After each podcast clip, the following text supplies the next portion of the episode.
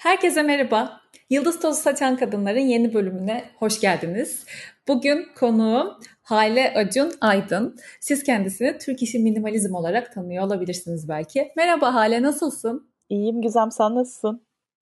İyiyim, çok teşekkür ederim. Baştan bir teşekkürümü edeyim buraya konuk olduğun için, bizimle paylaşacağın güzel bilgilerin ve kendinle ilgili anlatacağın şeyler için hem kendi adıma hem dinleyen herkes adına çok teşekkür ederim. Ben de çok teşekkür ederim. Benim için çok heyecanlı bir şey. Ben çok seviyorum podcast dinlemeyi. O yüzden e, bu kadar sevilen bir podcast'te konuk olmak benim için çok güzel. Ay ne mutlu bana. O zaman hemen sorularımla başlıyorum. Klasik ilk sorum zaten birazcık seni tanımayan insanlar için sen kendini nasıl anlatmak istersen birazcık bize bahseder misin? Hale kimdir? E, tabii ki. Bu, bu kadar geniş bir soruya böyle insan düşünüyor.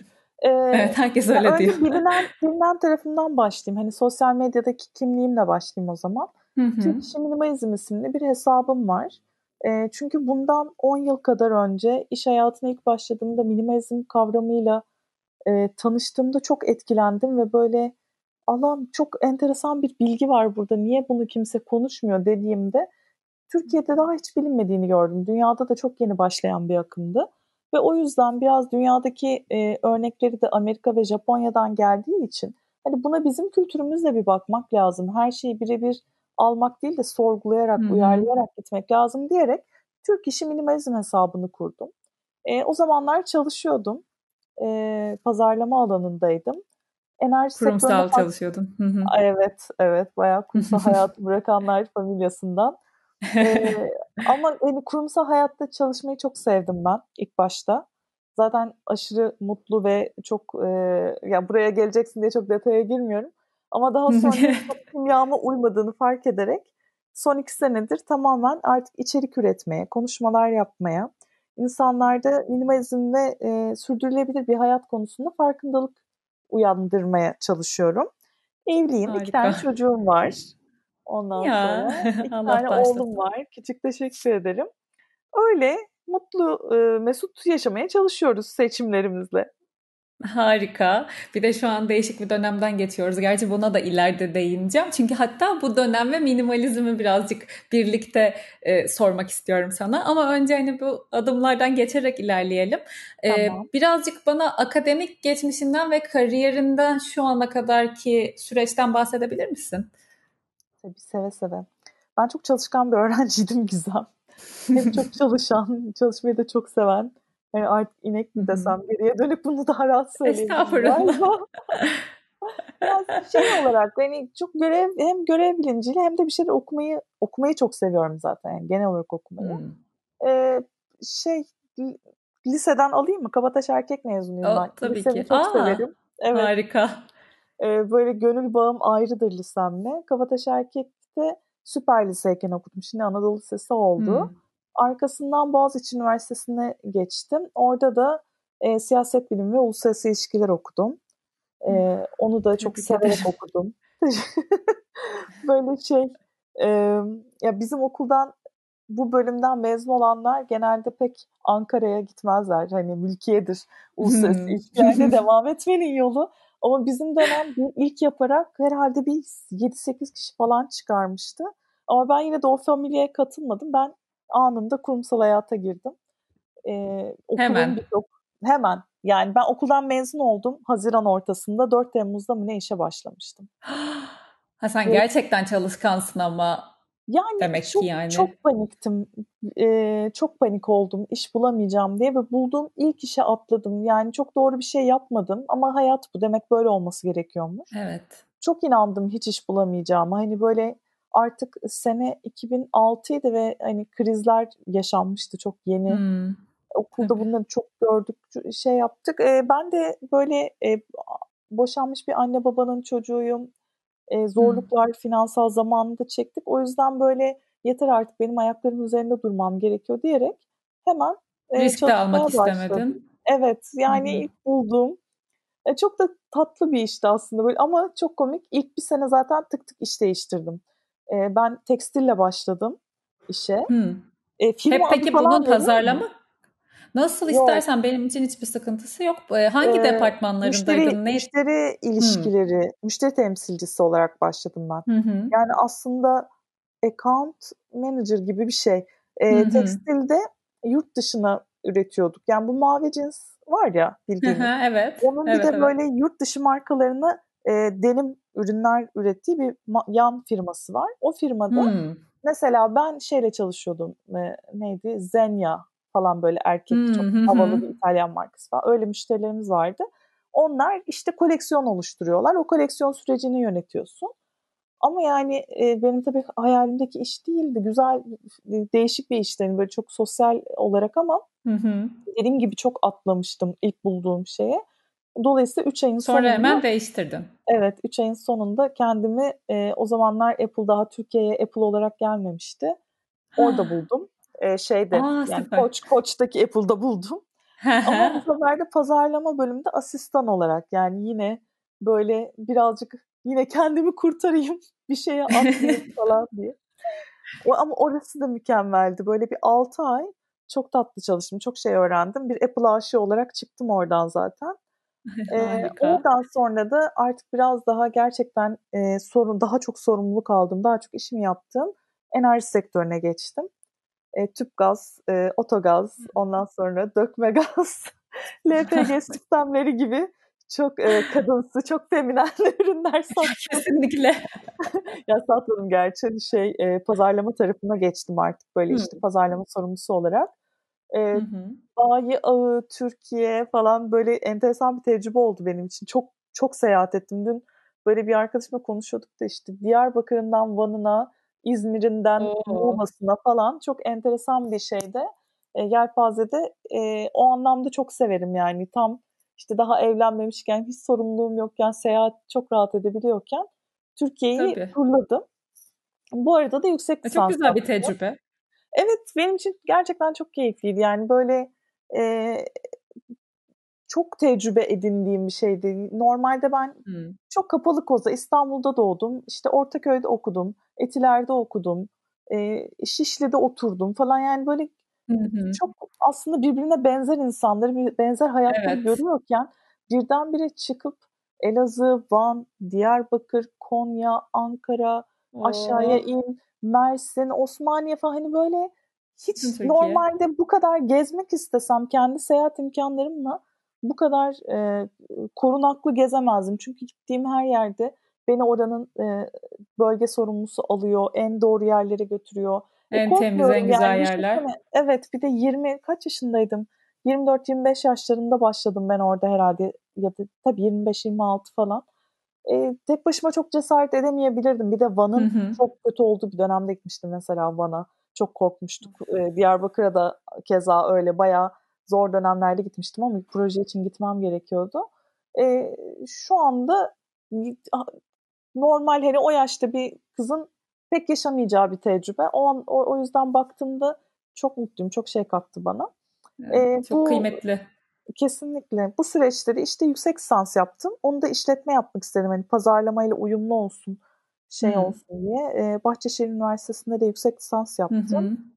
Ee, ve eğitim kariyerimi orada bitirdim. Çok istedim doktora yapmayı ama dedim ki saçları zaten baştan ağarttık. Daha Belli olmaz gerçi hala her zaman açık bir kapı galiba. O, o açık. Evet evet o kapı açık eğer gözünü karartırsan. Sonra da bir e, bir 5 sene kadar da 6 sene kadar da yine enerji sektöründe son şeyimi yaptım. Aslında yani ilk başta çok hızlı hızlı kaçtım ama evet jübilemi yine e, enerjide Hı. yaptım. Bir 5-6 senede e, başka bir el, özel sektörde çalıştım yine şeyde. Bu sefer Hı. elektrik özelleşmişti orada. E, o da güzeldi. Orada artık zaten çok şekillendiğim orada artık çünkü doğurdum, bir daha doğurdum. Hmm. Hayatı sorguladım falan derken. Büyüdüm. evet, evet. İkinci çocuğumun doğumuyla da artık kurumsala veda ettim. Peki demin şey dedin, hayalimdeki iş bu değildi dedin ilk e, girdiğin Hı-hı. yer için. De, e, hayalindeki iş o zaman neydi? Aslında bakarsan en hayalimdeki iş benim öğretmen olmaktı. Hmm. E, ve ben bunu çok anlatıyorum kendimle ilgili konuşmalarda. E, bu minimalizmde hep eşya tarafından bakılıyor ya. İşte eşya Hı-hı. azaltmak, kaç eşyan var, o kadar mı var? Halbuki orada asıl önemli olan kendi istediğin hayatı kurgulayabilmek. Hı-hı. Bu cesareti kendine bulabilmek. Ama bu bizim ülkemizde çok fazla yani ne kullanacağından ne okuyacağına kadar hep dışarıdan bir baskı var. Ben de e, üniversite sınavından iyi bir puan alacağım bekleniyordu. E, dershanede de böyle işte bana burs verdiler, özel dersler verdiler falan hep hani derece yapayım falan diye. Şöyle bir derece yaptım hani kendi içinde eşit ağırlıklılar arasında ilk yüze girdim ben. Yani hani evet, fencilere beş ağırlıkların şeyini geçer yani fencileri kenara atarsak ben de bir fenciyim. Hep öyledir ya ama hani onlar TM'de aynen, de aynen. birinci olur. Hani sizi ar- evet. ayıkladığımız zaman kendi aramızdaki yarışı. E, güzel bir puan alınca böyle dershanenin rehber öğretmeni beni karşısına aldı. Şimdi ne okumak istiyorsun dedi. Ben de işte öğretmenlik, okul öncesi falan bayağı böyle çünkü şeyim ben hani bir şeyler anlatayım, bir şeyler öğreteyim, paylaşayım, çocuklar vesaire. Aa dedi saçmalamayan bu puan öğretmenlik mi okunur dedi. Hayır dedi. İşte sen Hayda.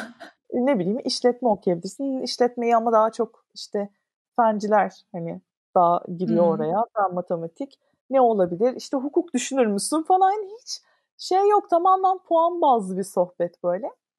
Ve ben düşündüm taşındım. Aslında uluslararası ilişkiler gerçekten çok ilgimi çekiyordu. Ee, hmm. Ailemizde de bir tane vardı böyle bir şeye çalışan. Biraz da onun da herhalde ilhamıyla. Dedim o zaman ben uluslararası ilişkiler okuyayım ve sadece tercihimi zaten dört okulda uluslararası ilişkiler yaptım. Böyle hani Heh, tamamen bir, onları yazdın. Hiç öğretmenlik yazmadın. Hiç yazmadım. Yok ya ama girerdim yani. Böyle iyiydi Tabii puanı. ki girerdin. E, Boğaz için yazdım ilk zaten. İlk tercihim Boğaz içiydi. Arkasından da işte e, Koç neydi? Ay çok ukala gibi oldu bir şeyim ama eskiden ineklik yapmışız işte çalışmışız. Böyle Galatasaray Galatasaray hep böyle Evet. İstanbul'daki okulların siyaset Güzel okullar. Hı hı. Evet yani ya burs alabilirim diye ya da hani devlet olursa da sevdiğim e, hayalimdeki olsun diye. Ne mutlu Tabii. ki ilk tercihime girdim. Hani şu yönden çok şanslıydım. Boğaziçi yani diğer okulları bilmiyorum. Muhtemelen orada da bu şans vardır ama Boğaziçi Üniversitesi'nin siyaset bilimi inanılmaz hı hı. açık bir bölüm. Şunu kastediyorum. Hani krediyle okuyorsun yani kredi tamamlıyorsun ya. Hı hı. E, diyelim dönemde 24 kredi var şu an hatırlamıyorum kaç kredi olduğunu da. Bunun sadece 10 kredisi falan zorunlu dersti. Geriye kalanları hmm. Büyük bir çoğunluğunu fakülte içinden veya yan fakültelerden işte mesela ben bir sürü işletme dersi Elektif. aldım. Evet. Hı hı. Muhteşem bir şey. Yani bir sürü psikoloji dersi aldım. Ee, ben yabancı dili bile e, hı hı zorunlu da yani şey kredili seçtirip hani Fransız kültürü almıştım. O zaman Fransızca öğreniyordum hı hı. dışarıda. Okulda da onun işte böyle daha ileri şeyler hani böyle 101 201'ler vardır ya. Hı hı, evet evet. Onun ileri seviyelerini 301'lerini 401'lerini artık böyle hani advanced derslerini veya kültür derslerini hep bana ana şeyime kattı. Yani düşünsene hani siyaset bilimi okuyorum ve yabancı dilimi normal ders gibi geçirebiliyorum. Muhteşem bir şey. Çok çok büyük bir imkan bu. Tabii yani evet. hem muhteşem bir şey hem de Boğaziçi ki bahsettiğin seneler biraz daha da geçmiş. Boğaziçi zaten çoğu bölümde en iyi e, işte hocalarla, en iyi evet. akademik kadroyla sunuyordu bütün eğitimi. O yüzden sen aslında bütün o elektif olarak aldığın derslerde de bayağı tatmin edici e, şekilde geçirmişsindir süreci diye düşünüyorum. Evet evet çok keyifli. Yani bizim de dediğim gibi hani e, daha çok özel üniversitelerin bu kadar yaygınlaşmadığı ve öğretmenlerin ya da hocaların da işte bu kadar dağılmadığı bir dönemde okudum. O yüzden e, bayağı keyifliydi. Hem siyaset bilim dersleri çok güzeldi, çok geniş perspektiften. Hem de e, yan aldığım bütün dersler çok şey kattı bana. O yüzden belki de bu kadar sosyal hani e, bilgimi zaten buralara ilgim vardı. Beslemiş oldum ilgim diyeyim. Peki o zaman aslında bu bölüme kendini attıktan sonra e, ben de hayal ettiğim meslekte bu değildi aslında falan gibi bir sürünceme yaşamadın. Zaten bu bölümde sevdiğin için eğitim hayatıyla birlikte senin için aslında ona göre şekillendi galiba meslek ya hayali evet, Orada da akı, akışa uydum. Ben ondan sonra halkla ilişkilere karar verdim. yani e, bölüme girdikten sonra yani Boğaziçi'nin hani her dönemin meslekleri var ya Gizem. Böyle bir ara işletmeciler hep bankacı olurdu. Hep bankacılık şeyi vardı. Herkes işletme okusun, bankacı olsun falan. Benim dönemimde de galiba pazarlamanın altın yıllarıydı. Ee, gerçekten bölümden inanılmaz şirketlere dağıldı. Yani pazarlama alanında bir sürü arkadaşım hep pazarlama alanına başladı ve bizim üst dönemlerimiz de öyleydi. Ben de böyle şey yaptım. O döneme de o olmuş. Evet bizim dönem. O yüzden böyle e, gençsin. Yani bence o aşırı da sorgulamıyordum. Ben artık hani nasıl olsa benim şeyimi elimden aldılar ya öğretmenlik hayalini. Ben bayağı şey oldum. Okey başladım. Şu an keyifliyim. Okuduğum şeyi çok seviyorum. Ee, bir sürü insan bir de o kadar aktif ki işte işletme kulübü, bilmem ne kulübü, TN Talk, Lipton'un bilmem nesi, kariyer günleri falan inanılmaz bir şey var. Ee, ve çok pompalanıyor bu arada. Çok kötü bir stres bu. Sen boğaz içilsin, iyi bir yerde okuyorsun, iyi bir yere girmelisin. Çok ah. kötü bir stres baktığında yani e, çok insana müthiş başarısızlık hissini de alttan alta veriyor yani ister istemez. O da tamamen aslında kendinle ne kadar barışık olduğuna bağlı. Yani sen ne kadar özgüvenlisen bu şeye kapılmıyorsun. Ama bir yandan da çok genç birinden bahsediyoruz ve ülkemizde yani e, çok da bilinçli bence yetişmiyorduk en azından o yaşlarda. Tabii ki kesinlikle. Falan. İstediğin kadar özgüvenli ol yani. Kesinlikle. Ben de çok savruldum o yüzden. Ama şöyle bir şey yaptım ki bence en azından e, kötünün iyisi olarak çok fazla staj yaptım. E, hmm. İşte insan kaynaklarında yaptım, reklam ajansında yaptım, e, halkla ilişkiler ajansında yaptım çok uzun süre. E, bir tek pazarlamada yapmamışım. e, böyle şey dedim yani hani kafamda yavaş yavaş pazarlama alanında çalışma fikri oturuyordu. Ve dedim ki yani pazarlama alanında çalışacaksam benim yan şeylerim bunlar olacak. Yani halkla ilişkiler çok el ele, reklam ajansını bilmem lazım. En azından hı hı. buraları bileyim dedim. Pazarlama üzerine de zaten dersler alıyordum. Ee, ve kendimi öyle öyle pazarlamaya doğru aslında e, evrittim. Ev, ev, aynen evritmiş oldum ve pazarlama alanını bu arada çok seviyorum. Hani o yüzden hala da ilgim yani. Hani bir şeyi hmm. doğru doğru yapılmasına ama hani bir de bunun şeyleri var ya e, evet evet. Euroya paketleyip iyi satmak. Öylesine değil de bir şeyin iletişiminin aslında iletişimi seviyorum. Yani iletişimini doğru yapmayı çok seviyorum. Zaten baştan beri söylediğim bütün işler bununla yani yaptığın işlerden bahsetmiyorum ama baştan beri bahsettiğim bütün işler aslında iletişim gerektiriyor. Nitekim şu evet. an yaptığın şey de öyle. Ve bir şekilde aslında bütün bu şirket tecrübelerinde de işin iletişimsel tarafındaymışsın anladığım kadarıyla. Evet. Çok ben evet. kurumsal kısmı bilmem kurumsal hayat ama öyle anladım anlattıklarından. Ne güzel doğru doğru geçmiş. Peki minimalizme geçmeden önce bu da işin bir kısmı olarak e, olduğu için şimdi sosyal medya onu da bir temiz e, sorayım istiyorum öyle geçelim. Hı hı. Türk İşi Minimalizm sayfasını hani çok kısa bahsettin ama daha detaylı bir şekilde nasıl e, start verdin? Nasıl gelişim süreci nasıl oldu? Ne kadar sürede ilerledi? İşte hayal ettiğin nokta neydi bu sayfa için? Onları merak ediyorum. Ee, biraz su yolunu buldu diyebilirim sana. Hı hı. Ben e, dedim ya hani bir 10 yıl kadar oluyor bu kavramla tanıştığımda hı hı. diye. Kavramla tanıştığım yani ben 36 yaşındayım işte 10 yıl önce 26 hı hı. yaşındayım. Hı hı. E, galiba 2007 hani Facebook'un kuruluşu mu ya da yayılışı mı o evet. aralar. Evet Dolayısıyla 2007'dir. benim de bu işleri merak salıp öğrenmem de 2009-2010 olsa o civarlar e, hı hı. sosyal medyanın gerçekten tam bir sosyalleşme olduğu dönemde. Hani böyle Facebook'ta abidik gubidik programlar, uygulamalar yazıyordu insanlar. Birbirlerine içki yolluyorlardı, dürtüyorduk birbirimizi evet, falan. Ay, hani evet, evet. Facebook böyle bir ortamdı. Instagram'da sadece doğa fotoğrafları vardı. İyi fotoğrafçıların fotoğraflarını görüyorduk şey, falan. Dutluk zamanlar. Evet yani hiç şu anki gibi e, bir ortam yoktu. Hani benim de tabii ki bir Instagram hesabım vardı. Ne bileyim arada arkadaşlarımla fotoğraflarımı falan koydum ama e, bilgi bloklar üzerinden gidiyordu. Her türlü bilgi yani şu anki insanların işte YouTube'a vlog çekiyorlar ya bugün bir günün falan diye. Bizim o zaman gerçekten gün gün hayatını takip ettiğimiz özellikle hatırlıyorum birkaç kişi vardı yurt dışına yerleşen. E, bugün ne yazmış diye her gün bloğunu açıp okuduğumuz insanlar vardı. Yani o zaman e, birinci mecrası oydu paylaşım anlamında. O zaman yazıydı daha az tük yani evet. tükenmemişti yazıya olan ilgi. Sonra o görsele kaydı birazcık daha. Evet kolay, kolaylaştı da tabii pratikleşti evet. yani tüketici tarafından özellikle üretici için daha tabii. da biraz zor da. E, o, o yüzden de bir blog açtım. Yani blogger'a girdim işte Türk İşi Minimalizm hmm. blogspot.com diye ve böyle bildiğim şeyleri anlatmaya başladım. Bu uzun süre e, çeşitli aralıklarla ben yazmayı da yani konuşmayı sevdiğim kadar yazmayı da seviyordum. ee, ama tabii hani çalışıyorum bir yandan. O yüzden bir, bir iki ay böyle çok sık yazıp aralar verdim falan bir dönemde. Ee, böyle senelerce devam etti. Ta ki 2014 falan işte bir 4-5 sene sonra e, artık Instagram'da da bir şeyler olmaya başladı ve o dönem ben de yeni doğum yaptım. Hatta benim tabii tek ilgimi çeken Insta mamlar var böyle. Herkes Insta mam. Bana da bir arkadaşım var çok meraklı bu işlere. Dedi ki sen de minimalist anne olsana. Ay dedim yani her şey olurum ama minimalist anne olmam. hani böyle yeter gına geldi bu mamlardan. Bir tane daha ihtiyaç yok bence. Ama dedim haklısın. Hani ben neden o kadar yazı yazıyorum? Burada yazılarımı anlatmayayım. Hani yeni yazı yazdım. Çünkü ben insanlara mail atarak duyuruyordum. O da yani 20-30 hmm, tane kız öyle. arkadaşıma mail atıyorum. Hı hı. E, blog ama okunuyor. Böyle bir kemik kitlesi oluşmuştu. Ama onun dışında da hani duyurabileceğim tek şey o. Hani yeni yazı yazdım. Ne link verebiliyorsun. Evet. Böyle hani işte maille etrafa yolluyordum falan.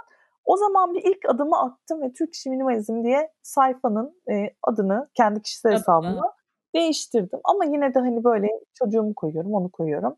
Tek yaptığım şey yeni içerik koymak.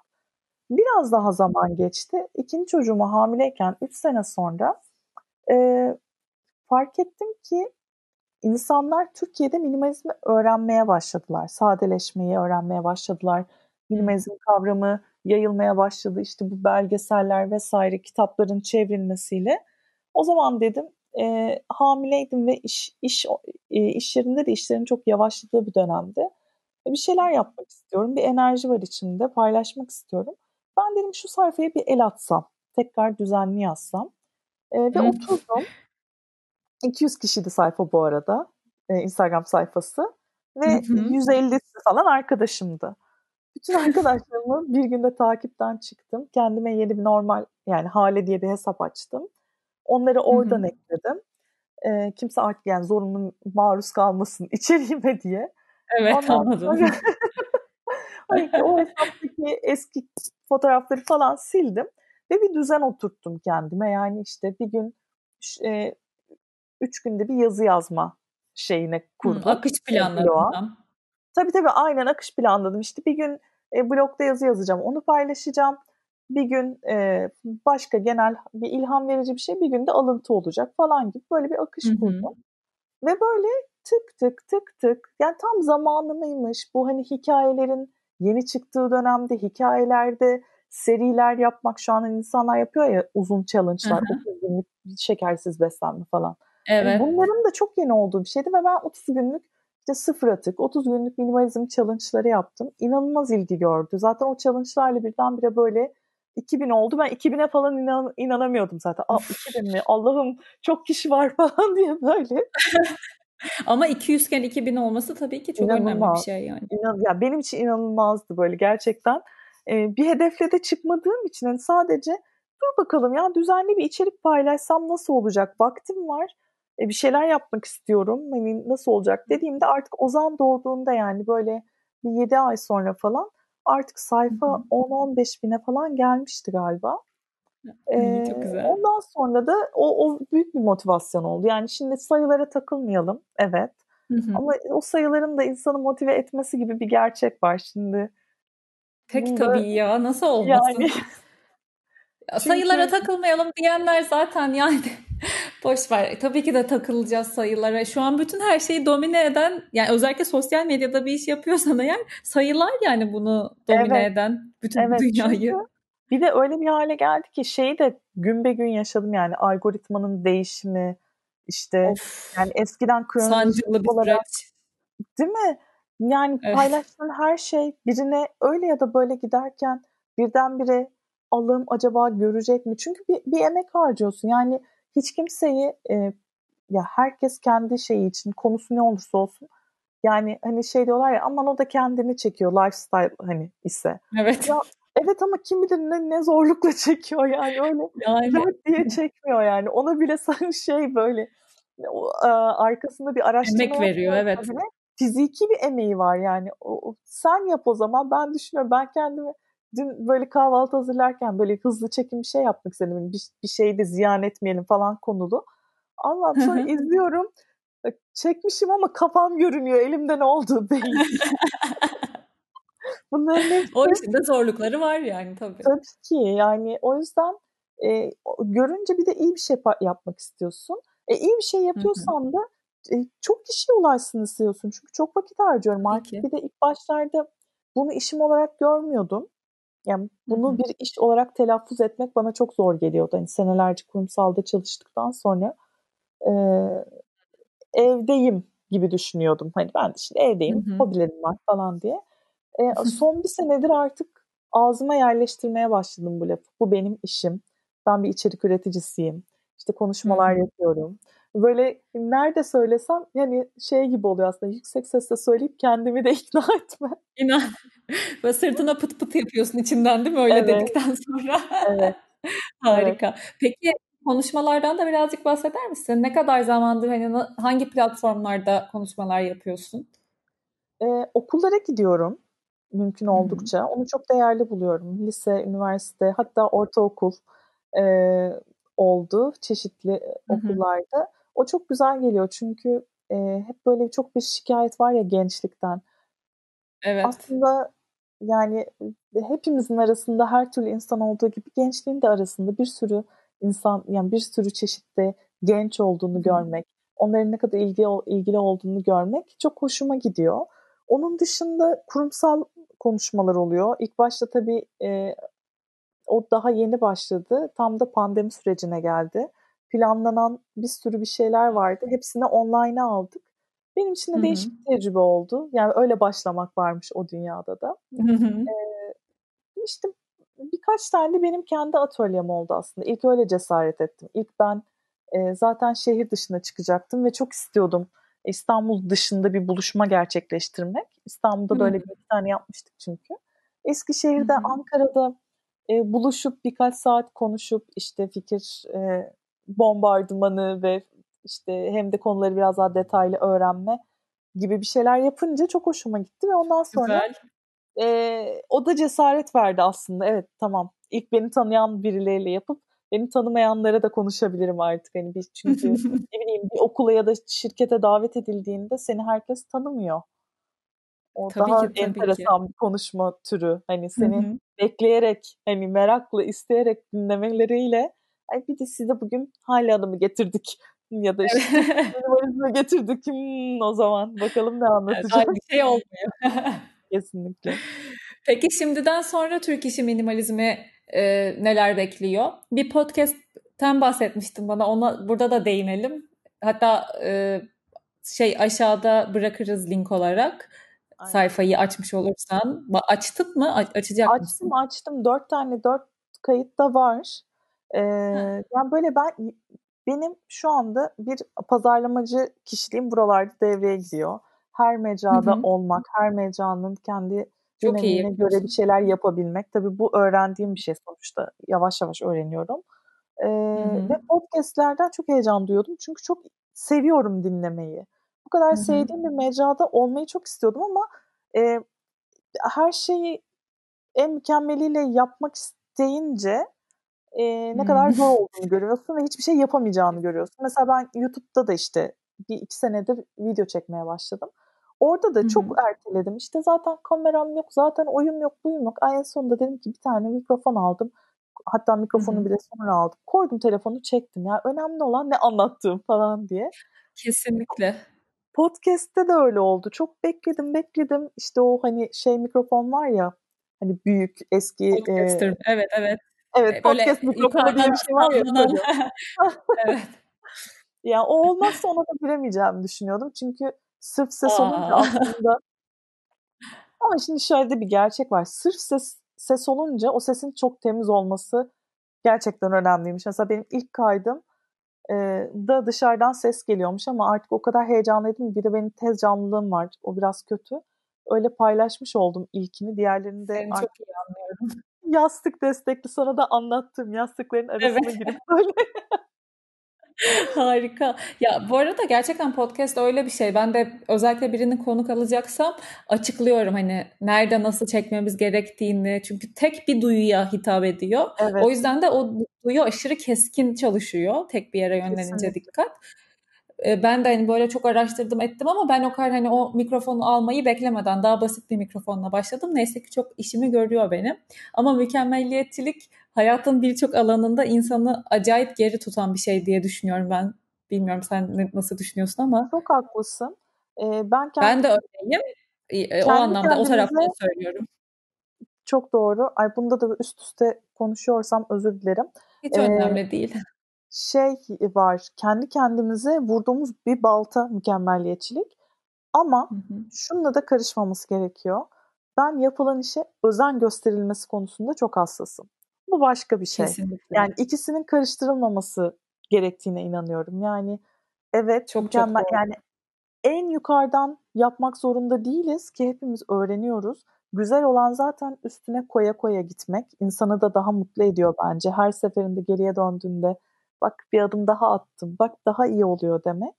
Ama hı hı. Yani nasıl olsa elimde de mikrofon yok, nasıl olsa o da yok. Hayır, elinden gelenin de en iyisini yapmak başka bir şey. Yani bunu böyle Kesinlikle ne genç arkadaşlarımıza gibi.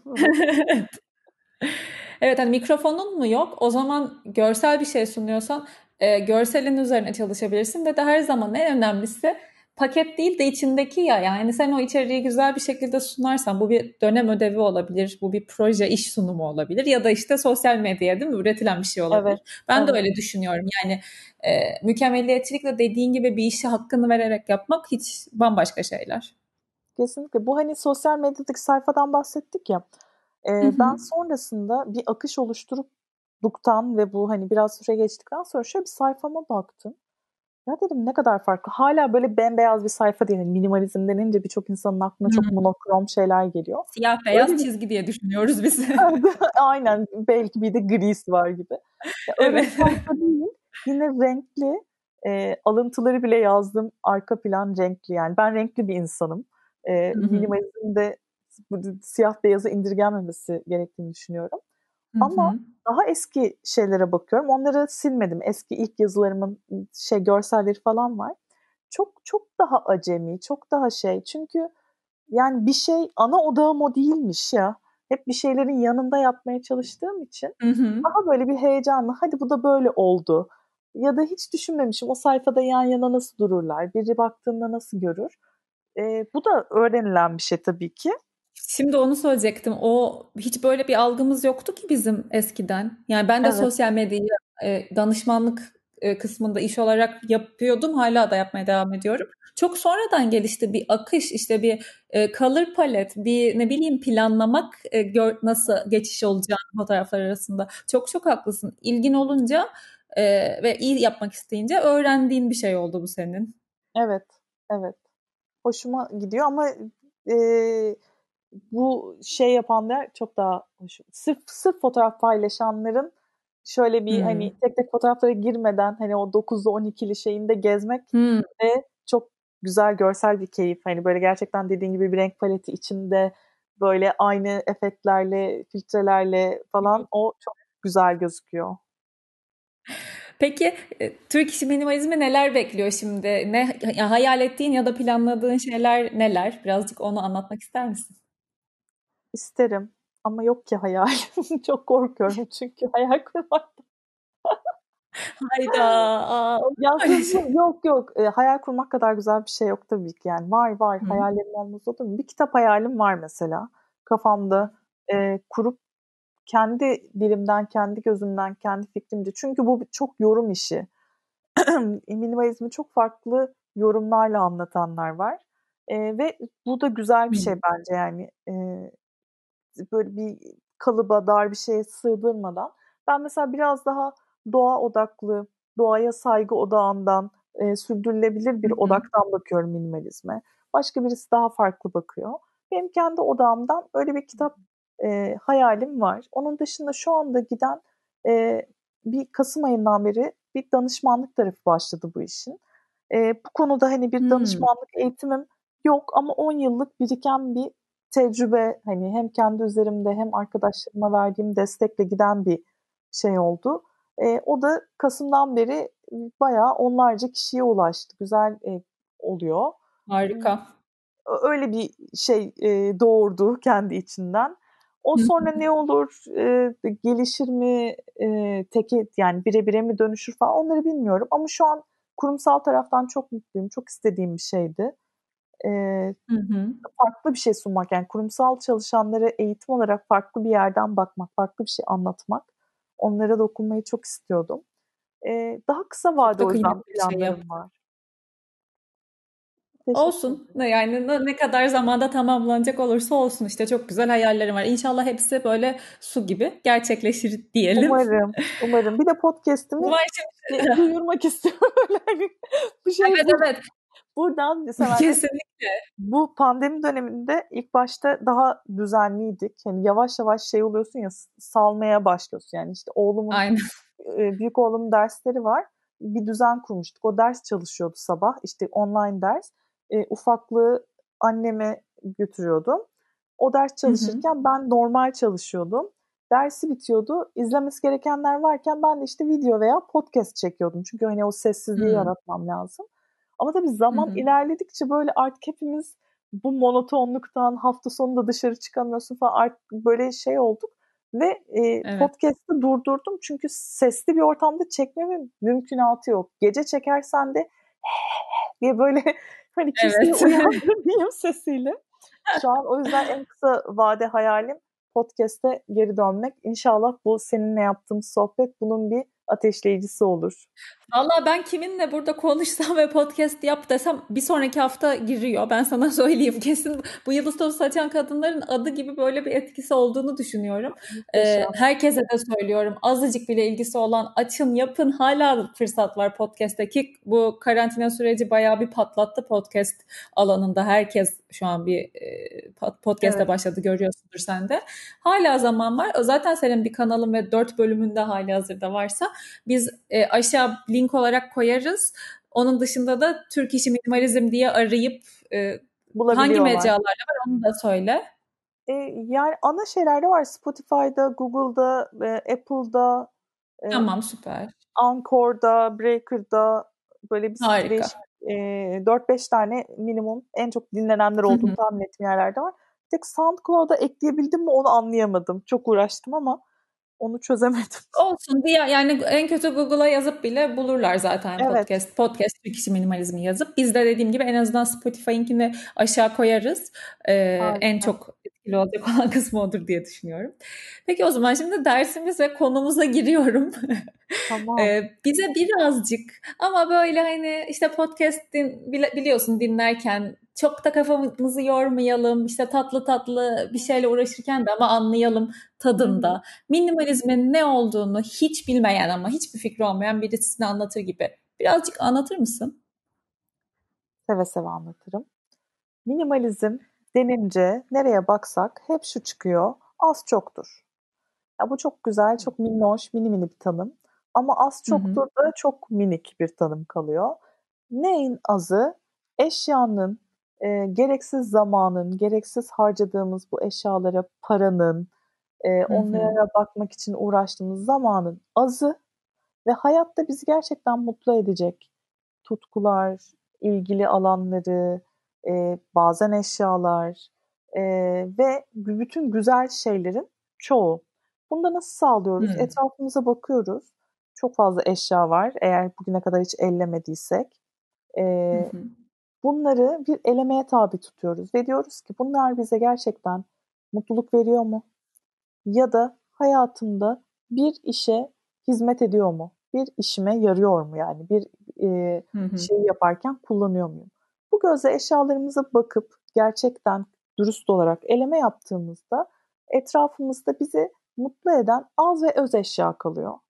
Ve bir şeye baktığın zaman sana yansıttığı da olumlu duygu oluyor ay işte Nurten teyzenin geçen getirdiğindeki ayıp olmasın diye koyduğum vazo, işte bilmem benim e, verdiği ama geri de çeviremediğim yastık, işte mumluk hmm. falan gibi dekorasyon eşyaları ya da yatağına örttüğün kimi zaman yatak örtüsü işte ne bileyim giydiğin arkadaşının hediye ettiği üst ama çok sevmemişsin ama geri de verememişsin de işte e, değiştirememişsin ayıp olur diye. Hayatımızdan bu ayıp olurlar kim ne derlerler çıkıyor. Bir de hı hı. bu başta konuştuk ya işte ne okuduğunu bile başkaları belin, belin evet. sana zorluyor diye. Bir de böyle eşyalar da var. İşte şöyle bir şey giymelisin, böyle bir şey okumalısın. Podcast dinliyorsan şunu dinlemelisin. Hani hı hı. önermekten öteden bahsediyorum. Yani hip olmak evet, için evet. bu podcast'i dinle. İşte bilmem ne olmak için böyle giyin. Şunu yapmak için şurada tatil yap falan. Bütün bu şeyleri öneri olarak tabii ki alıp ama kendi süzgecimizden geçirip gerçekten bizi mutlu eden, bir şeye uymak için değil de bizi mutlu edenler üzerinden gidersek bence minimalist olmak böyle bir şey. ee, indirimlere kalmadan. Ay çok teşekkür ederim. Ya benim benim tanımım bu. Benim tanımım bu. Yani benim evimde kırmızı bir kitaplık da var. Ee, işte ne bileyim kırmızı bir tablo da var ya da çerçeve var. Ee, veya siyah beyaz eşyalar, kıyafetlerim de var. Yani hani böyle ama sevdiğim, hepsi sevdiğim şeyler. Ee, önemli olan hayatta ya hayat böyle çok klişe bir şeyle bağlayacağım ama hayat gerçekten çok kısa ve bu kısa zamanı hep söylüyoruz sevdiğimiz şeylere ayıralım diye. Buna hep hobi evet. vesaire olarak bakıyoruz. Eşya olarak da bu bencilliği, kim zaman çünkü bazıları için bencil olmak gibi düşünülebiliyor. Hayatımız için de bu bencilliği göstermek gerekiyor diye inanıyorum. Çok yani kesinlikle çok doğru söylüyorsun ama mesela ben şu an kendi durduğum yerden bakıyorum. Ben evet e, ev işte de, dekorasyon konusunda özellikle e, minimalizm çok çok hoşuma gidiyor. Yani öyle ortamlarda bulunmak benim hoşuma gidiyor. Evimde de keza öyle bir şey yapmaya çalıştım. Ama mesela e, eminim benim gibi düşünen bir sürü insan da vardır. Kıyafet konusunda e, bana o, bu okuduğum ve gördüğüm bir minimalizm çok e, yapabileceğim bir şey gibi gelmiyor. Yani ben bu, bu tişört beni mutlu etmiyor diye veremem gibi geliyor tişörtümü. Hiç ihtiyacım olmasa bile. Ve bunu değiştirmek istiyorum. Ee, özellikle kıyafet, ayakkabı vesaire hususunda çok fazla insan olabileceği için de bunu sormak istedim hı hı. sana. Ne önerirsin mesela? Ben bunu hayatıma almak istiyorum ama hani bu konuda düşüncem de bu. Nasıl yaklaşmak lazım? Nasıl adımlar izleyebiliriz? Giymediğin halde mi veremezsin gibi geliyor? Yani bir gün giyerim diyorum anladın mı? Hani şimdi belki iki ay içinde girme, giymem ama altı ay sonra bir gün giyebilirim diye tuttuğum bir sürü şey var. Şimdi e, keşke seni daha yakın tanısaydım ve umarım daha yakından tanışma fırsatı buluruz bu süreç geçince. İnşallah. Şu şu çok önemli. Şimdi bazı insanlar vardır giyinmeyi çok severler ve e, buna emek harcarlar. E, gerçekten bu tişört iki, iki aydır giymiyor olması önümüzdeki 6 ay içinde giymeyeceği anlamına gelmez. O insan zaten kendini Hı. bilir. O sabah Hı. giyinirken veya akşamdan ertesi günün kıyafetlerini hazırlarken de bir neşe duyar. Ona ona bakar, Hı. şuna bakar. Pratik tarafında değildir o. Pratiklikten ziyade ne sunacağıyla ilgilidir. Bu da gayet evet. güzel bir şey bu arada. Hiçbir sıkıntı yok. Kim ise mesela ben güzel bir şey olsun üstünde. Yani beni yansıtsın, kim olduğumu yansıtsın. Ama giyinmek için de çok az vakit yetsin bana. Çünkü benim için hayat çok hızlı. İki tane çocuğum var. İşte bir şeyler yapmaya çalışıyorum. Evle ilgileniyorum falan. Hani böyle çok koşturuyorum. O yüzden her şeye de uyabilecek. Ben bana ben kapsül gardıropçuyum mesela. Ama herkesin hmm. bir kapsül gardırobu olması gerekmiyor. Önemli olan bir şeyi eline aldığında bir kıyafeti bu ana kadar da giymediysen e, illa da giymeyeceksin anlamına gelmiyor. Bir, dolabında olduğunu unutmuş olabilirsin. İki, e, seni rahatsız eden bir şey olabilir. Yani zamanda kilo, beden vesaire bir sıkıntısı olmuş olabilir. Şu anda o sıkıntı hmm. ortadan geçmiş olabilir. Üstüne daha iyi oturuyor olabilir o kıyafet. O yüzden böyle bir elemeye girmek istiyorsan özellikle kıyafette önerim bir gününü buna ayırmak. Dolaptaki her şeyi ama böyle Marikondo böyle yığın yapıyor ya o biraz evet, evet. olsun diye. Ya öyle değil yani şöyle bir serip kombin yaparak yani sadece elini alıp da böyle e, göğsüne götürüp ah canım dur bakayım ne hissettim kalbim çarptı. Ya bu güzel ama bunu yapmadan ben öyle oluyorum önce ama işte ondan bir adım önce üstüne bir evet. giyip beyaz bir tişört mü? Beyaz tişört ben neyle giyerim? Bu şortla. Ha belki bu çok yazlık ya da çok kışlık ya da çok bilmem hani Belki sezonlu değil. Olabilir ya hani çok kısa sezonlu kıyafetlerimiz de var. İlla pratik evet, evet. olacağız diye yılda sadece bir ay giydiğimiz bir şeyi elden çıkarmak zorunda değiliz. Çok soğuk bir yerde yaşıyorsundur. Kış bir ay soğuk oluyordur ama çok soğuk oluyordur. O iki tane hmm. kazan sana lazım olur. Hani giyiyorsundur. Ama çok şu an e, işte Mayıs ayındasın ve dört aydır giymedin. Önündeki bir dört ayda giymeyeceksin. Ama giyilecek o. Ama burada evet. gerçekten önemli olan ne biliyor musun? Evet Dürüst evet. Olmak. Dürüst olacaksın. Hani giyerim ya. Ve sanırım e, her alanda bu. Benim Evet. Evet evet anlıyorum ne demek istediğini. Ee, şey diyorum galiba her alanda da bu soru aslında yeter yani dürüst olmak daha doğrusu yeterli. Kıyafet için bana verdiğim bu öneriyi evi çok kalabalık olan bir insanda aynı şekilde kendi süzgecinden geçirip kendine uyarlayabilir. Bilmiyorum hani yemek kozmetik. işte olabilir konu. Kesinlikle öyle yani kozmetik Hı. ürünleri ne kadar yani kozmetiğin bir kısmı çok pahalı zaten zor zor alınıyor ama bir kısım kozmetik evet. üründe inanılmaz ucuz. Hani harcı alem dedikleri böyle 5 liraya bilmem ne 10 liraya 20 liraya falan hani tık tık kasa önüne alınan bir sürü şey oluyor. Ya bunu sürerim, bunu kullanırım. Aslında hiç sen değilsin o. Sadece o anda paketi hoşuna gidiyor. Ambalajı hoşuna gidiyor. indirimde olması cezbediyor. O zaman Lazım olur ya. Ben... bu Evet. Gitti mi? Arada sesler karışabiliyor. O yüzden ben e, es veriyorum birazcık ses karışınca kopukluk olmasın diye. E, kozmetikte evet çok olabiliyor dedin. Hem toparlamak için orayı tekrar alıyorum. E, evet bu arada mesela ben onu yendim kendi üzerimde ama eminim hani benim kıyafetle ilgili verdiğim örnek kozmetikte de çok oluyordur. Kolay ulaşılabilir olmasından ötürü dediğin gibi fiyatların. Hep dürüst bir yaklaşım ve gerçekten alıp üzerinde bakmak en azından e, bu alanda. Evet, Değil mi? Bu, kozmetikte şöyle bir şey de önerebilirim. E, şu an hani çok evdeyiz ama artık dışarıya çıktığımız zamanlar yaklaştı.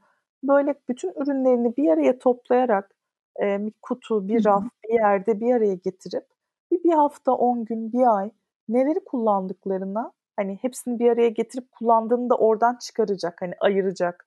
Çok gözle görerek, çok yaşayarak bir elem o. Onu hmm. çok seviyorum ben ve bir ayın sonunda diyelim hani zaman da verelim. Kullanmadı o kadar ürüne bakıp yani niye kullanmıyorum ben bunları? Çünkü bak hiç böyle şeyler kullanmıyorum. Ben hiç atıyorum ben eskiden allık sürerdim. Artık sürmüyorum çünkü yanaklarım çok kırmızı.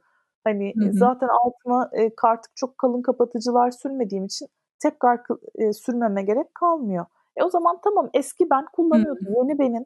Çünkü eski ben eski benliklerimiz de var. Yani zannetmeyelim ki biz tek bir evet. insanız ve ömrümüz boyunca böyle gidiyoruz. Hayır hep değişiyoruz.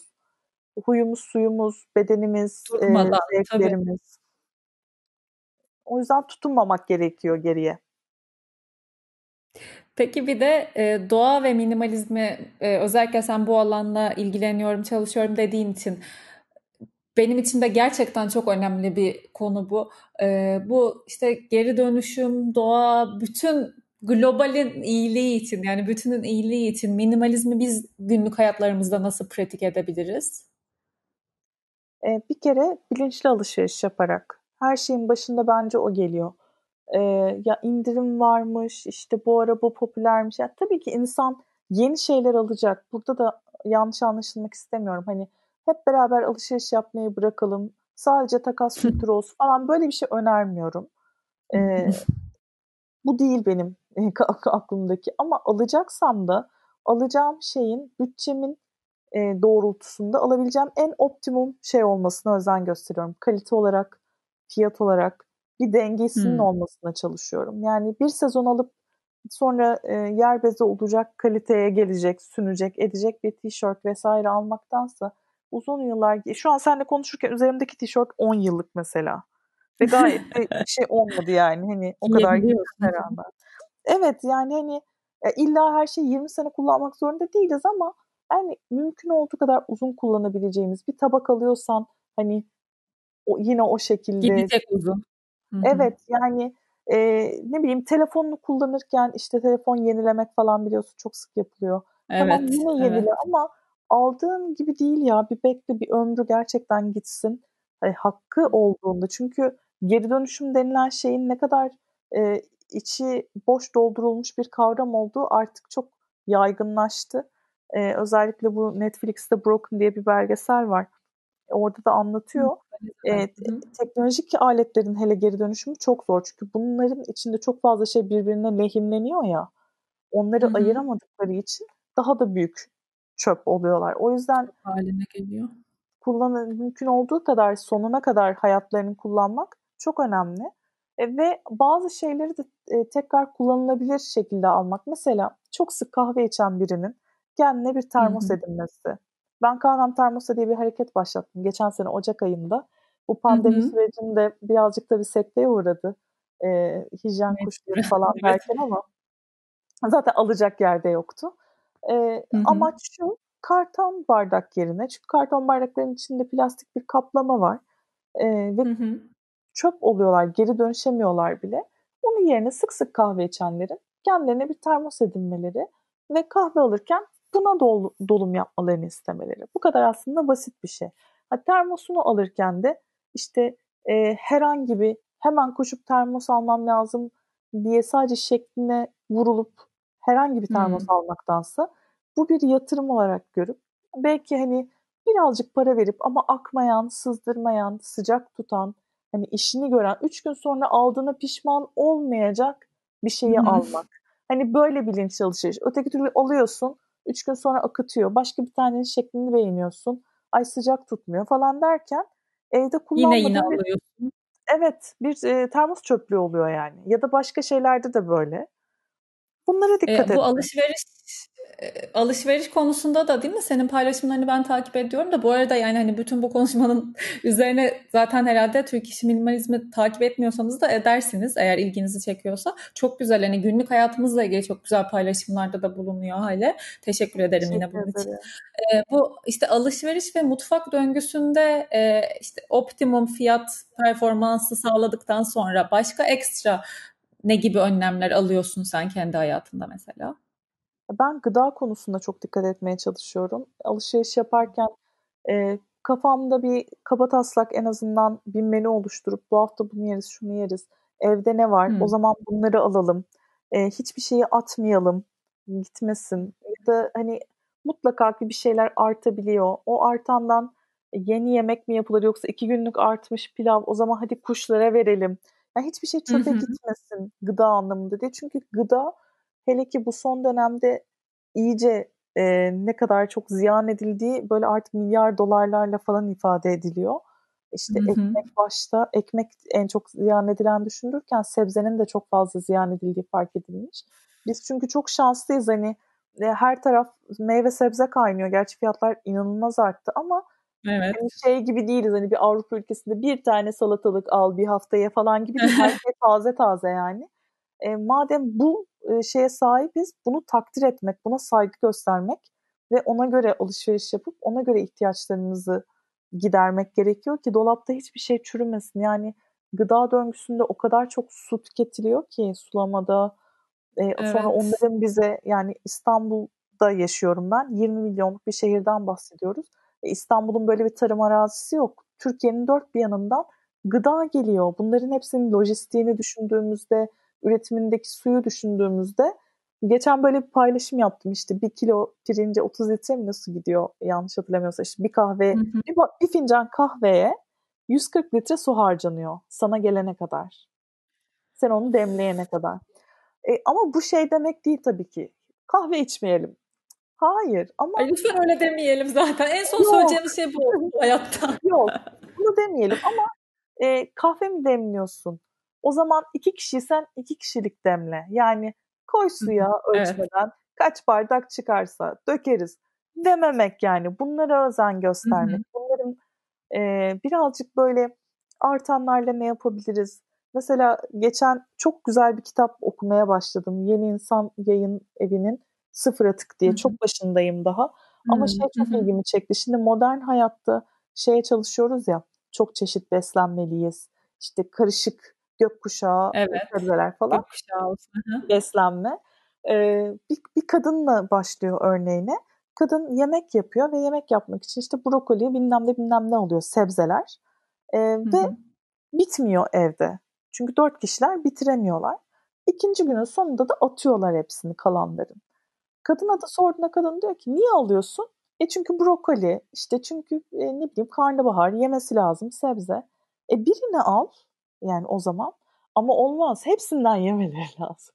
E o zaman parça par. Yani böyle e, yine bize dayatılan ya tabii ki sağlıklı evet. beslenelim. Orada asla sağlıklı beslenme kötü bir şey değil ama o zaman azıcık planlama yap. Çok aldıysan git yarısını ya buzluğa koy ya arkadaşına ver. Hani bir şey yap. Her seferinde göz göre göre de lades yapmamak lazım ya. Çok çok doğru söylüyorsun. Bu arada bu konu da karantina döneminde e, çok gündeme geldi. Ben hatta en yakın arkadaşım bu konu kaldığım bölümde de konuştuk. E, ne kadar dikkat etmeye çalışıyor olsak da e, evde sürekli yemek yapmaya başlayınca aslında o kadar da çok dikkat etmiyormuşuz eskiden. İşte görüyorsun gerek alışveriş evet. yaparken olsun gerek bir şey dolapta pişmeyi bekleyip çürürken ya da pişmiş bir şey ikinci gün aa canım şimdi dışarıdan şunu söylemek istedi deyip yenmediğinde hani bir değil iki değil tabii ki e, çok fazla olursa bu aslında ne kadar bir sorunmuş. Onu ben çok fark ettim karantina döneminde. En minimal şeyim bu oldu sanırım benim de. Mutfak ve mutfak alışverişiyle ilgili oldu. Senin merak ediyorum karantinada zaten hani minimalizmi bir şekilde kendine göre benimsemiş birisi olarak hı hı. ne gibi farkındalıkların oldu bu konuya paralel? Ya da oldu mu? Evet. Olmak zorunda da değil yani. Oldu mu? Yani benim şöyle bir şey oldu. Ben böyle e, çok karantinanın getirdiği bir şey değil de belki evde kalma zorunluluğuyla e, yemek yapabildi ama böyle ekmeklerden falan bahsetmiyorum. Öyle bir şey değil. ee, dışarıdan yani ben dışarıda yemek yemeyi seven biriyim yani hoşuma gider. Yani böyle yazlıkta bile yani uzun süre hani, kaynaklar uzak olduğumuz yerde bile ay bir merkeze inelim de bir şeyler yiyelim falan derdik. Hayatımızda Aynen. 70 gündür dışarıdan hiçbir şey söylemedik. 70 mi 80 mi artık bilmiyorum da işte Mayıs'ın Mart'ın ortasından beri. Evet. Bir kere bile dışarıdan bir şey yemedik. Bir tane poğaça yedik, bir tane de simit yedik galiba. Ee, böyle sürekli evde yemek yaptığımız hani hatta atıştırmalıklarımıza, keklerimize, çöreklerimize falan bir Her dönem şey. oldu. Ve hı hı. şeyi fark ettim. Ben korkuyordum. Yapamam diye. Benim böyle bir şeyim vardı. Ben yapamam. Ben beceremem. Dedim yani ne kadar şeymiş. bir de hani çekinme var. Dışarıda da kaynak hı hı. olunca yapabileceğim şeyi dahil dışarıdan alıyordum. Yani hani arada kendimi hı hı, şımartmak falan dışında yani böyle ne kadar e, kendimi küçük görüyormuşum, ne kadar kendime baskı uyguluyormuşum, ay yapamam, edemem e, yaptığımda dünyanın en iyisi olmasın işte biz yiyebiliyoruz yeter falan diye. Bu Aynen, konuda bir rahatlama geldi bana. Kesinlikle. Peki şey soracağım. Bir dakika bunu şuraya yazmıştım. E, sonlara doğru bir soru olarak. Peki senin sence şu an en minimal olmayan yönün ne? Bu felsefeye Çanta. uymayan. Çanta. Çanta. Hiç düşünmeden. Aa. Hiç düşünmeden. Çanta. E, o da iyi yine neyse. Ya evet ayakkabı falan değil. Hani orada çok şeyim de kıyafet de çok değil. Hani kıyafette beni en fazla zorlayan işte bu hani doğum doğum sonrası kilo vesaire onu da sürekli bir şey yapıyorum. Ama ben çanta çok seviyorum ve ilk yani hem üniversitedeyken hem çalıştığım ilk zamanlarda hiç üşenmeden her gün ayrı çanta takardım. Her bir gün. Yani hani aynı çantayı iki gün kullanmazdım böyle. E, öyle bir şeyden gelince ama tabii hayat değişiyor. Bir, eskiden büyük dediğim bir çantam vardı. Hani çok kocaman gelen Hı-hı. bana. Anneme vermiştim onu. O kullanıyordu. Geçen gün şöyle bir elime aldım. Ne kadar küçükmüş. Hani algılarımız ne kadar değişmiş. Şimdi ne kadar büyük çantalar kullanıyormuşuz. Dolayısıyla tabii ki eleme yaptım. Bir de artık çok fazla sırt çantası kullanıyorum. Hani hem çocuğun eşyaları hem laptopla geziyorum birçok yere falan. Ee, o yüzden büyük bir elemeye gittim. Ama hani iki çocuğumun da okullu olduğu ve benim dışarıda tin tin tin gezeceğim günler için hala vermediğim çantalarım var. Çünkü şey diyorum yani şu an farklı bir dönemindeyim hayatımın. Hani e, hele hele şu an ikisi de evde. E, bu günler geçecek ve dolayısıyla benim günlük bir hayatta tek başına bir hale olarak gezeceğim zamanlar var. E, bir yedek ve çantalarıma ihtiyacım var. Evet o yüzden o çantalarımı tutuyorum açıkçası. Yani yine böyle 20-30 taneden bahsetmiyoruz ama Hı hı. E, yani Olsun. hayatta dönemsellikler vardır diyerek. kendini de şey yaptı, akladı. Harika. Ay çok teşekkür ederim. O zaman son bir soruyla toparlayayım her iki konuyu birbirine sen ve minimalizm ve dinleyenlere bir şey aktarabilmek adına. Bir soru değil de iki soru. Ee, bir kitap önerisi alabilirim. Hani minimalizm azıcık bile ilginizi çekiyorsa bu kitabı okuyun dediğim bir kitap önerisi. Bir de bir son söz niteliğinde varsa söylemek istediğin bir şeyler onları alırsam bölümü sonlandırabiliriz. Tamam. Kitapla başlıyorum. Ee, kitapta böyle Yazacağım çok... tabii aşağıda. Tamamdır. Ee, çok böyle hani e, nokta atışı eşya eleme tarafında istiyorsanız hani Marie Kondo gerçekten Marie Kondo'nun ikinci kitabı e, At Kutu Ferah'la çok net bir Hı-hı. kitap böyle gerçekten şeyi anlatıyor çizimleriyle katlamasıyla e, güzel sadece eşya eleme tarafından bakarsak daha geniş felsefe tarafından. felsefe tarafından bakarsak istif çağını Hı-hı. kesinlikle öneriyorum e, e, şey tamam. James Wallman'ın olması lazım. E, bir de daha dijital tarafta da dijital minimalizmde de Cal Newport'un kitabını ben çok beğendim. Kesinlikle öneriyorum. E, tamam. Cal Bunları da yazacağız böyle. hepsini. Tamam. Kitaplar böyle. Ha, sıfır atık evet. tarafında da mesela e, dünyada bu işin önderlerinden Bea Johnson'ın Sıfır Atık Ev kitabı Sinek 8 çevirdi Hı-hı. E, ve yayınladı. Onu okuyabilirler. E, Catherine Kellogg'du galiba. 101 Sıfır Atık 101 Yol. Yani sıfır atıkla ilgili de birçok kitap var. Ama hani bunlar da tamam. dünyadaki önderlerinin e, şu anda Türkçe'de kazandırılmış kitapları. Ne diyorum dersen de toparlamak için e, sıfır atıkta benim çok beğendiğim bir söz var. Böyle Zero Waste Chef diye e, bir hesabın sözü bu. Her şeyi mükemmel yapan birkaç bir avuç dolusu insan yerine her şeyi mükemmel olmasa da bölük pörçük de olsa yapan milyonlara ihtiyacımız var diyor. Şimdi sıfır atık lafı isminde sıfır geçirdiği için insanları çok korkutuyor. Boş verin onu az atık deyin. Hayatınızda hı hı. bir şeyi değiştirseniz yani şu podcast dinleyen herkes bir şey değiştirse, birisi yanında suyunu taşısa, birisi kahvesini alsa, birisi yıkanabilir pede geçse, yıka, bir şey yapsa hayatta çok büyük bir değişim olur. Minimalizm tarafında da önemli olan hepimizin 100 eşya ile 500 eşya ile yaşayan bireylere dönüşmesi değil, hepimizin bilinçli alışveriş yapan, gerçekten ihtiyacını e, anlayabilen e, ve bu yolda alışveriş yapan insanlara dönüşmesi, bireylere dönüşmesi bence. E, yani illaki evinize girip de böyle evinizden bir ev çıkarmanız gerekmiyor. Halinizden mutlu olabilirsiniz ama bundan sonrası için en azından tüketim alanında bir kere daha düşünebilirsiniz diye düşünüyorum. E, ve sana çok teşekkür Kesinlikle. ediyorum. ben teşekkür ederim. Tam bitiş cümleleri de yine çok ilham verici oldu. E, eminim yani dinleyen bu zaten senin adını görüp ya da başladıktan sonra ne oldu, konunun ne olduğunu anlayıp dinleyenler bir şekilde harekete geçecektir. Çünkü çok e, bilinçli bir kitle olduğumuzu düşünüyorum burada da. Ben teşekkür ederim tekrar konuk olduğun için, harika sohbetin için. Ee, yine kendi adıma ve dinleyen herkes adına. Ee, bütün bahsi geçen kitapları ve işte Hale'nin podcastini, Instagram hesabını her şeyi her zaman olduğu gibi açıklamalar kısmına koyacağım. Onun dışında bana söylemek, sormak istediğiniz bir şey olursa Instagram'dan etkizemdemirel'den ulaşabilirsiniz ya da info.gizemvatandos.com'a mail atabilirsiniz. Dinlediğiniz için çok teşekkür ederim. Bir sonraki bölümde görüşmek üzere. Hoşçakalın. Hoşçakalın.